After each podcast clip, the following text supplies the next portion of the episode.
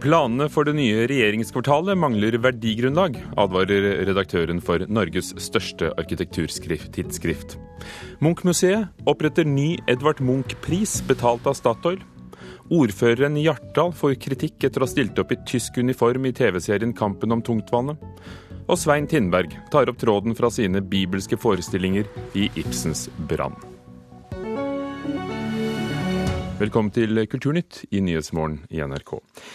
I dag begynner utformingen av det nye regjeringskvartalet i Oslo. Seks arkitektkontorer fra Norge og andre land har fått i oppdrag å komme med ideer.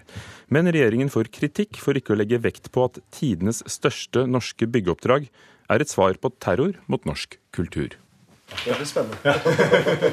Rett og slett. God stemning i Kommunal- og moderniseringsdepartementet før det hele braker løs.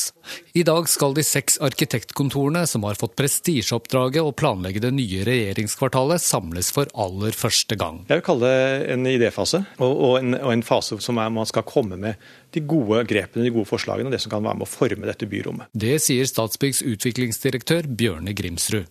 De seks arkitektkontorene og byplanleggerne har fått halvannen million kroner hver og en frist til april. Deretter skal de beste ideene deres tas med videre. Ja, og Det som er viktig her, er å lage gode byrom, eh, lage gode, se hva som er mulig i forhold til volumer, høyder, og se hvilke områder som kan utvikles og hvordan de kan utvikles. Ansvaret for prosjektet ligger hos moderniseringsminister Jan Tore Sanner. Han er trygg på å ha sikret seg noen av verdens fremste fagpersoner på området. De skal også få lov til å lage og utvikle visjonen for det nye regjeringskvartalet. Men også regjeringen har lagt sine føringer for bestillingen, forsikrer Sanner. Eh, vi er opptatt av at vi, at vi skal bygge videre på det som, eh, som er eh, en, en nøktern norsk, norsk tradisjon. Hva betyr det? Altså, Hva betyr nøkternt? Betyr det billig? Spør redaktøren for Norges største arkitekturtidsskrift Arkitektur N, Ingrid Helsing Almås retorisk. Om alt går etter planen, vil Norge ha gjenreist regjeringskvartalet etter terrorangrepet om ni år. Men samtidig vil regjeringen ha spolert muligheten for å ha skapt noe svært betydningsfullt, spår hun. Helt klart. Arkitekturen kan eh, uttrykke det beste i vårt demokrati, men eh, da må man ha prosesser som legger opp til å få frem det. Problemet ligger i regjeringens bestilling. Den handler mye om sikkerhet og arealer, men mangler fullstendig formuleringer om hvilke kvaliteter det nye regjeringskvartalet skal ha, mener redaktøren. Terroristen var jo ikke ute etter å ødelegge kontorbygg. Hans angrep var et angrep på vår kultur, og det er kulturen som må svare. Og det har ikke regjeringen så langt lagt opp til. De har latt være opp til arkitektene å ivareta det? Ja, jeg mener at det er der vi er nå. Det handler jo om å definere og sette noen ord på hva åpenhet og demokrati er i Norge i dag. Så kan arkitekter og planleggere sette seg ned og si ja, men da prøver vi å få til det. For da kan man komme etterpå og spørre ja, men skulle dere ikke gjøre noe som var åpent, som var tilgjengelig, som var inkluderende osv. osv. Da kan man sjekke resultatet. Nå kan man jo i beste fall si ja, men det ble jo fint. Men moderniseringsministeren mener Helsing Almås er altfor tidlig ute med sin kritikk. Nå utvikler vi eh, byplanleggingen. Eh, nå skal vi utvikle selve kvartalet. Eh, og så blir spørsmålet om arkitektur et punkt eh, som kommer tilbake på et senere tidspunkt. Ja, Det mener jeg er helt fullstendig misforstått tilnærming. Dette henger helt, helt nøye sammen. Du kan ikke liksom tegne opp planen på bakken og så bygge noe innenfor det og tro at eh, det skal bli en, en god og forståelig helhet. Sa redaktøren for arkitekturen Ingrid Helsing Almås, reporter Petter Sommer. Agnes Moxnes, kulturkommentator i NRK. Hva syns du om kritikken fra redaktøren? Det er veldig viktige innspill som kommer fra redaktøren i Arkitektur enn dette her. Å ha en helt krystallklar bevissthet om hvorfor dette nye regjeringskvartalet skal eh, bygges, og, og, og hva det skal uttrykke. Samtidig så er det sånn i dag, altså midt på dagen i dag, så skal de seks arkitekturkontorene som er plukket ut til å begynne å liksom se på hvordan dette byrommet skal bli, de skal klatre til topps i høyblokka, og de skal se ut på et uh, Oslo som fortsatt er sterkt preget av 22.07. Så jeg er egentlig ikke noe særlig i tvil om at uh, de går glipp av hvilken historisk sammenheng dette er satt inn i. Sara Sørheim, kulturredaktør i Aftenposten. Ser du de samme manglene i oppdraget som arkitektur-N-redaktøren? Ja, Hun har jo noen gode poenger. og det er jo ekstremt viktig at dette blir et godt oppdrag. Det er det viktigste, eh, den viktigste utbyggingen vi står overfor. Kanskje den viktigste utbyggingen i Oslo noensinne. Det er et nasjonalt symbol som skal reises. Eh, regjeringskvartalet er av helt avgjørende betydning, både rent praktisk, men ikke minst også som et symbol for vår nasjon. Eh, og Sanner fremstår vel ikke som den mest visjonære når det gjelder å tenke de store tankene. Og dessuten så er det ofte sånn at det med åpenhet og tilgjengelighet også er ofre for eh, terror og frykt. Eh, så det er veldig viktig nå å, å, snakke mye om at vi ikke vil ønske å bygge en mur mot folket, men at vi skal klare å holde på noen av de verdiene som kjennetegnet regjeringskvartalet tidligere. At man kunne spasere gjennom Høyblokka, at det var åpent for alle. Og så så vi jo grusomme, et, et, grusomt eksempel på at det var for åpent. Men at vi klarer å holde på den, ja, den åpne gode stemningen i det nye regjeringskvartalet. Det er viktig. Men så vil jeg også bare skyte inn at jeg kan lett se for meg en omvendt kritikk fra fagfolk hvis eh, regjeringen her hadde vært for detaljert på sin bestilling. Da ville man kommet og sagt at dette må de kunstnerisk ansvarlige få lov til å styre. Eh, politikerne er ikke arkitekter, de kan ikke tegne og forklare i for stor detalj. Så det er et eh, vanskelig felt. Noen har jo nettopp sagt det, at det var ikke nødvendig å bestemme at Høyblokken skal stå og Y-blokken rives f.eks. At dette kunne nettopp arkitektene fått foreslå. Har debatten om rivingen av Y-blokken med Picassos og Karl Nesjars kunst på fasadene overskygget andre viktige sider av saken? Ja, Det kan man nok si. At de er blitt veldig sånn symboler for, eh, for, en debatt om eh, arkitektur. Samtidig så viser de jo veldig klart og tydelig hva som skjer når man bygger eh, ambisiøse hus, hvor, det, hvor, det, ligger en god arkitektur i bånn. fordi at nå rives jo, i disse dager så rives jo en eller to av, av det gamle regjeringskvartalet. De vanlige kontorbyggene. Og det er ingen som gråter over det. Det er ikke der debatten kommer. Debatten kommer der hvor det er god arkitektur. Så Sånn sett så, så viser det veldig tydelig hvor viktig det er med skikkelig arkitektur. Da. Hva blir de store stridsspørsmålene fremover? Jeg tror du kommer til å se en diskusjon mellom eh, si, byråkraters behov for eh, praktiske ordninger og ikke minst sikkerhet, og nasjonens behov for et symbol. Eh, noe som kan stå der som et symbol på Norge, på våre verdier. Et kvartal som vi alle kan forholde oss til å være stolte av. Det er ikke gitt at disse to hensynene skal gå hånd i hånd. Det er derfor jeg er veldig glad for at man nå har en grundig prosess, og at man skal snakke om byplan, ikke bare om ett signalbygg, men at man skal snakke om hele kvartalet og at man skal tenke at dette skal være en del av den levende hovedstaden vår. Eh, men, men, det er en utfordring, og jeg, jeg, gleder meg til å se hvordan det blir. Men jeg bare håper at vi klarer å holde den tanken gjennom hele prosessen.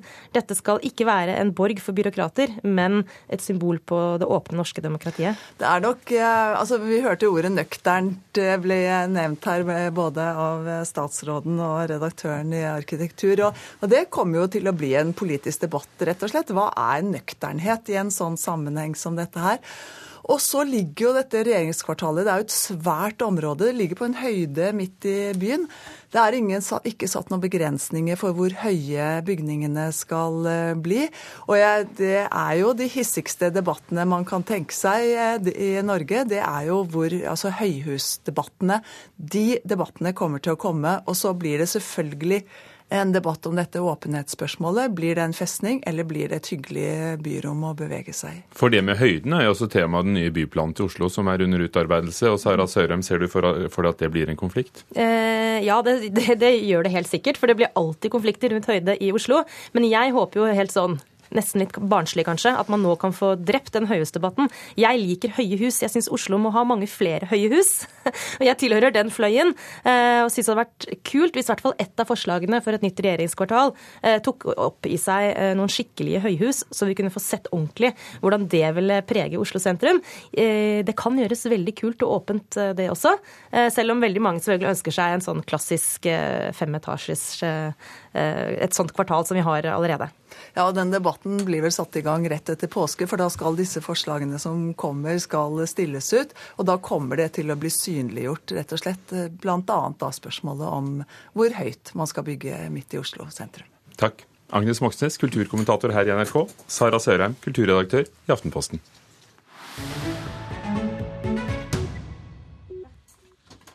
Med dronning Sonja spissen ble en internasjonal Edvard Munch-pris lansert, med brask og bram, i 2005. Men etter at den ble delt ut bare to ganger, ble det aldri noe mer. Nå skal Munch-museet opprette en ny internasjonal Munch-pris på en halv million kroner, og de kommer fra Statoil. Når vi etablerer Edvard Munchs eh, Art Award, så er det jo tre ting som er viktige for oss. Det ene er at det er en tung jury som gir eh, tung internasjonal legitimitet. Eh, det andre er at det er en eh, stor pris eh, økonomisk. Og det tredje er jo hvem som får prisen etter hvert. Det sier direktør på Munch-museet Stein Olav Henriksen. The Edward Munch Art Award, som prisen heter, skal deles ut for første gang på Edvard Munchs fødselsdag 12.12. i år. Den skal deles ut annethvert år, og skal bidra til å fremme utviklingen av særskilte talenter innen billedkunstfeltet. Prissummen på 500 000 kroner finansieres av Statoil, sier informasjonsdirektør i Statoil, Jannik Lindbekk. Vi ønsker at dette skal bli en, en, en, en vel ansett uh, talentpris, som kan uh, ikke minst uh, medvirke til at nye unge kunstnere, og for så vidt også kunstnere som er litt mer etablerte, skal kunne utvikle sine forutsetninger for å, å skape stor kunst. Så, eh, så vi eh, ser frem til å uh, samarbeide med Munch-museet om dette. Det er ikke første gang en internasjonal kunstpris opprettes i Edvard Munchs navn. I 2005 delte dronning Sonja for første gang ut en annen internasjonal Munch-pris, som også var ment å være en årlig prestisjepris for samtidskunst, i Edvard Munchs navn og ånd, opprettet av Norske Office for Contemporary Art men etter to utdelinger ble det ikke noe mer. På høy tid å blåse nytt liv i en Munch-pris, mener Henriksen på Munch-museet. Jeg syns også at en kunstner som Edvard Munch eh, godt kan knyttes til en tung internasjonal kunstpris, på lik linje med noen andre kunstnere, både her hjemme og ute. Så vi ser det som en helt naturlig del av vår aktivitet å også gjøre ære på unge kunstnere, og bruke Edvard Munchs navn til å løfte fram kunsten mer generelt. I tillegg til en halv million kroner får prisvinneren en utstilling på Munch-museet og et gjesteopphold i Oslo. Hvem som skal sitte i juryen er ennå ikke klart, men direktør Henriksen mener prisvinnerne bør være relevante internasjonale navn. Prisvinnere vil være tunge internasjonale stemmer, eh, som eh, er relativt unge, men som samtidig har eh, absolutt kraft til å bli blant de aller, aller beste. Så dette skal være også prisvinnere som er med å løfte prisen i prestisje, selvfølgelig, men også som kan knyttes opp til Edvard Munch på en fornuftig måte. Det sa Stein Olav Henriksen i Munch-museet til reporter Tone Staude. Klokken er 16 eh, minutter over åtte dører på Kulturnytt i Nyhetsmorgen, hvor overskriften i dag er at oljeselskapet Shell betaler 600 millioner kroner til befolkningen etter to oljeutslipp i Nigeria. Folk som tar beroligende medisiner, kan bli nektet å kjøre bil. Og regjeringens sikkerhetsvakter vil ha pepperspray og batonger til å forsvare seg med.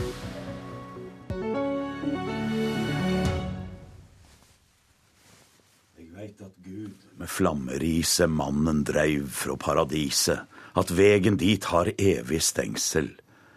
Men han åpna for vår lengsel. Velkommen, Svein Tindberg, skuespiller.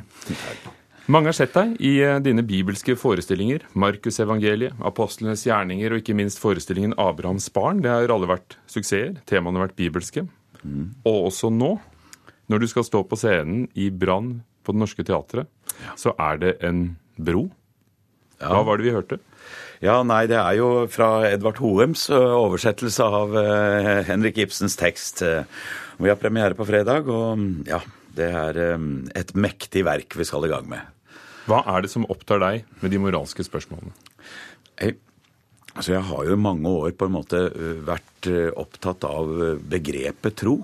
Fordi at jeg syns det er et slags slektskap i mitt eget fag. Og det å tro på noe som ikke kan bevises, altså ikke nødvendigvis begrepet gudstro, men det å tro på noe, det å gi seg hen til noe som ikke alltid kan bevises, altså som vennskap eller som, som kjærlighet, for den saks skyld.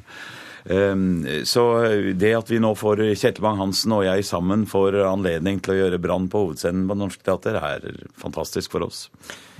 Er Brann en forestilling om uh, tro, eller om hva da? Nei, altså ikke nødvendigvis. Det er jo om en mann som forfølger eh, sine drømmer. Forfølger eh, sine idealer, sin idealisme. Men eh, det er jo også en mann som eh, glemmer enkeltindividet og glemmer kanskje kjærligheten på veien fram dit. Han er en mann som jeg i hvert fall må beundre, fordi at han er et sånt menneske som, som vi trenger noen av. Som bare reiser seg opp og sier 'Dette her vil jeg ikke være med på'. Jeg vil en annen vei, jeg vil noe nytt, jeg vil noe annerledes. Er det fanatisk i noe å beundre? Ja, for det er ikke bare fanatisme. Det er idealisme, og det er å jakte på noe som er rent, noe som er helt. Men så, er det jo, så ligger det jo lik etter han, da. Siden dette skjer på Det Norske Teatret i Oslo, hvor dere spiller på nynorsk, så har Edvard Hoem gjendiktet teksten som du nevnte. Hva gjør det med ditt forhold til Ibsen at det er Ibsen, men det er også Edvard Hoem? Nei, det er klart det, det gir jo endringer både i vers, verset og i, i, rimene. Men på den ene side så kan det være Det kan jo være steder hvor jeg sitter og savner noe eh, hos Edvard, men det er jo også steder hvor Edvard beriker eller endrer, sånn at det hjelper oss å høre teksten på nytt. Eh, så det har kvaliteter. Kommer vi nærmere? Det vet jeg ikke, men eh, vi hadde jo, du nevnte jo disse bibelske forestillingene eh, som Kjetil Bang-Hansen og jeg sammen har gjort. Da vi gjorde Markusevangeliet en gang i tiden på nynorsk, så opplevde vi jo at vi i hvert fall her på Østlandet, at folk lyttet til teksten på en annen måte, fordi du er vant til å høre den i én språkform, og dermed kan nynorsken også være en hjelp til forståelse.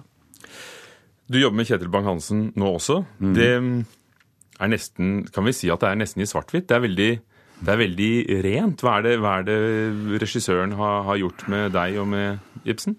Ja, det er jo, eh, Her er det jo Jon Christian Alsaker som har scenografien, og det er som du sier, det er nesten litt sort-hvitt. Det er på en måte ja, Vi har vel ikke ønsket å lage den type forestilling hvor det er for mye fiskekasser og sildetønner og, og, sånn. Du, du, trenger på en måte altså, Dette er jo ikke realisme. Hvis eh, Ibsen hadde villet at det skulle være naturlig, så hadde det ikke vært noe vits i for han å skrive eh, en verseform med fire trykksterke stavelser i hver linje og enderim. Han viser oss at dette er ikke et fotografi, det er et maleri. Og det er altså scenografien og, og, og regien tatt hensyn til. Svein Tindberg, når du tar opp disse store temaene. Ja. Enten i, i, i, dine egne forestillinger som Abrahams barn og de andre, eller her i, i Brann. Tenker du at du har noe å lære oss, eller at vi har noe å lære av det? Altså, Jeg tenker aldri at jeg er en som skal lære noen noe som helst, men jeg går kanskje som Brann på jakt etter min egen lengsel. Takk.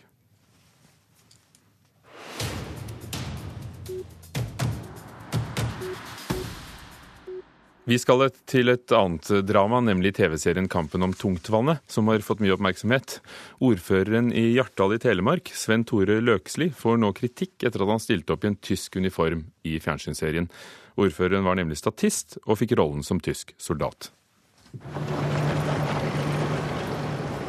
Gjennom vinduet på den mørke bilen kan du se en tysk soldat når direktør Henriksen ankommer Vemork. Velkommen til Vemork, herr direktør. Den tyske soldaten blir spilt av statist og ordfører i Hjartdal, Sven Tore Løksli. Det har fått flere til å reagere. Arbeiderpartiet i Telemark har fått et anonymt brev hvor det stilles spørsmålstegn ved hvorfor ordføreren har påtatt seg rollen som tysk soldat. I brevet går det frem at flere i lokalmiljøet har reagert, bl.a. fordi flere i kommunen ble drept av tyske soldater. Han burde valgt en annen rolle, eller takket nei til denne rollen, går det frem av brevet. Ordføreren syns det er leit at folk føler seg støtt. Det må jeg jo bare beklage, at det er noen som opplever ubehag ved å se, en, eh, se meg i, i, sånn uniform. Så det, det legger jeg meg flat for sånn sett. Samtidig så, så har ikke det her noen ting med min oppfattelse eller min uh, vurdering av verken uh, historien eller nazismen, men det er jo en film, det er en, film, en historiefortelling. Og reporter var Stian Vårsø Simonsen. Jan Erik Larsen, som var med å stifte First House, forlater kommunikasjonsbyrået. Ifølge Dagens Næringsliv i dag er han, lei av, er han lei av å bli tillagt baktanker og motiver. Jeg ønsker å kunne mene noe og ytre meg i det offentlige rom, sier han til avisen. Larsen var statssekretær ved statsministerens kontor i Jens Stoltenbergs andre regjering, før han ble med på å etablere First House. Den svenske forfatteren og kunstneren Lars Lerin er en av Sveriges mest kjente akvarellmalere. Han har bl.a. fått sitt eget museum i Karlstad, ikke langt unna der han vokste opp. For ikke lenge siden fikk han Sveriges største litteraturpris, Augustprisen, for boken 'Naturlære Limes Norlandicus'. Lerin har skrevet tekster til sine egne bilder, som vår kritiker Knut Hoem har både sett og lest. Jeg sitter og glor på en kråke med avkuttet vinge, og jeg fatter ikke hvordan Lars Lerin får det til, for det er vel et maleri? Det må det være, for det er jo malt med akvarellfarger. Favorittpenselen spriker så jeg kan måle 20 gresstrån i taget, skriver Lars Lerin og får det til å høres lett ut. Naturlæra, Limus norlandicus, kan sies å være en oppfølger til boken Mellom husen, bilder fra Lofoten, som utkom i 2008. Nå er fiskeværene byttet ut med skog, låvebygninger og innsjøer. Dette er den svenske såkalte glesbygden, og Lerin portretterer hvert strå, hver gråspurv og hver eneste museart som piler over tunet. Han tilegner seg landskapet med botanikerens katalogiseringsiver. Han maler huset der han bor og gårdsbygningene gjennom årstidene. Det som forandrer seg, er lyset over takmønet, og jeg er aldri i tvil om hvilken årstid vi er i, det framgår av lyset. Samtidig katalogiserer kunstneren også seg selv gjennom små dagboknotater. Lars Lerin har lagt et tungt alkohol- og narkotikamisbruk bak seg, men minnet om det tidligere livet siver frem når han for eksempel skriver at han tar seg selv i å lengte etter kjemi i betydningen kjemiske stoffer. På denne måten botaniserer Lerin seg inn i de siste års selvbiografiske skriving, men enda mer er denne naturlæren i kontakt med den økologiske trenden i samtidslitteraturen som vi så komme for fullt i fjor. Lars Lerin er først kunstner, dernest forfatter. Jeg kan ikke se for meg disse tekstene uten bildene. Lurini, Finnskogens siste trollkar, byr på sommerens magiske program, skriver han plutselig. Jorden kan kanskje være i fare, men på bondelandet i Värmland lurer mirakelet i hvert eneste vintereple som ligger og fryser i den grå isen, og vi som trodde at akvarellmaling var noe som var dømt til å flyte utover sidene, sitter og lurer på hvordan Lars Lerin fikk dette til. Knut Hoem hadde lest naturlæra av Lars Lerin, som ble tildelt svenske Augustprisen for beste sakprosabok i fjor. Konkurransen for artister som satser på barnemusikk utenom de store navnene fra Disney og kjente filmer, er veldig hard. Likevel satser tidligere motorcycle-trommis Håkon Gebhardt på rockemusikk for barn. Sokken min er våt. Jeg vet ikke, jeg har bestandig likt å gå altså, mot, mot, strømmen, så, så, så, for meg har det vært et, i så fall et kick hvis folk syns det var en en eh, lite kredibel ting å gjøre, at jeg spiller for unger, så, så, så, betyr ikke det så mye for meg. Det, det, som er viktig for meg, er jo på en måte at jeg får jobba med ting jeg syns er, er, viktig for meg sjøl, og, og, morsomt å jobbe med, og som kan ha en mening for andre. I 2012 ga tidligere Motorpsycho-trommis Håkon Gebhardt og kollega Martin Hagfors ut albumet 'Det er ikke bra før det er dårlig', under navnet 'Meg og kameraten min'. Også vokalist Heidi Solheim fra bluesrockbandet Pristine har gitt ut barnealbum. Det het Dinosaus og kom ut i 2014. Som tidligere stemor til to barn følte hun at det mangla noe i musikktilbudet til ungene. Mitt inntrykk er at det er så mye dall. Det er ikke noe kjøttmettende, skulle du si. Så jeg hadde litt lyst til å prøve å se om jeg klarte å lage barnemusikk som tok ungene litt mer på alvor. Men det er ikke denne musikken som troner på bestselgerlisten til musikkforlagene. Det sier Julie Vevelstad i Egmont Kids Media Nordic. Det er uten tvil eh, etablerte brand som eh, holdes levende over tid ved hjelp av TV og film og show. Vi heiser seil, vi kaster F.eks. Kaptein Sabeltann, som eh, nå har vært TV-serie og film, og eh, har eh, show i Parken hver sommer. Karsten og Petra eh, har også vært en stor suksess. Torbjørn Egner. Da Heidi Solheim debuterte, hadde hun ikke tenkt på konkurransen fra disse tunge og etablerte aktørene.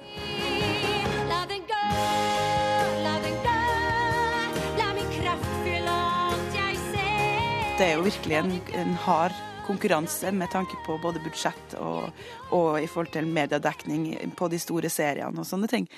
Men på den andre sida så, så, var det jo ikke det som drev meg inn i det. Det var jo det her ønsket om å lage ei barneplate med såpass mye substans i at jeg kunne treffe voksne folk også. Å treffe foreldre kan være lurt, mener Anita Wikstrøm, som er på handlerunde med sønnen William. Jeg vil jo gjerne gi dem musikk som de eh, holdt på å si, kan forbinde med noe, også som, som gjerne som kanskje jeg har hørt. At de får høre hva jeg har Litt av det som jeg har fått fra min barndom. Sønnen til Anita, åtteårige William, han er ikke spesielt glad i barnemusikk. Billy Talent. Og uh, Imagine Dragons. Uh, Green Day. Ja. Så egentlig ingenting barnemusikk? Jo, bare litt. Alf Prøysen. Og reporter var Marit Garfjell. I Kulturnytt i dag har vi hørt at eh, arbeidet med å utforme det nye regjeringskvartalet begynner for seks arkitektkontorer i dag. Et av de store stridsspørsmålene blir hvor åpent det skal være for publikum, sa våre kommentatorer. Og Munch-museet lager en ny internasjonal Edvard Munch-pris på en halv million kroner, som blir betalt av Statoil.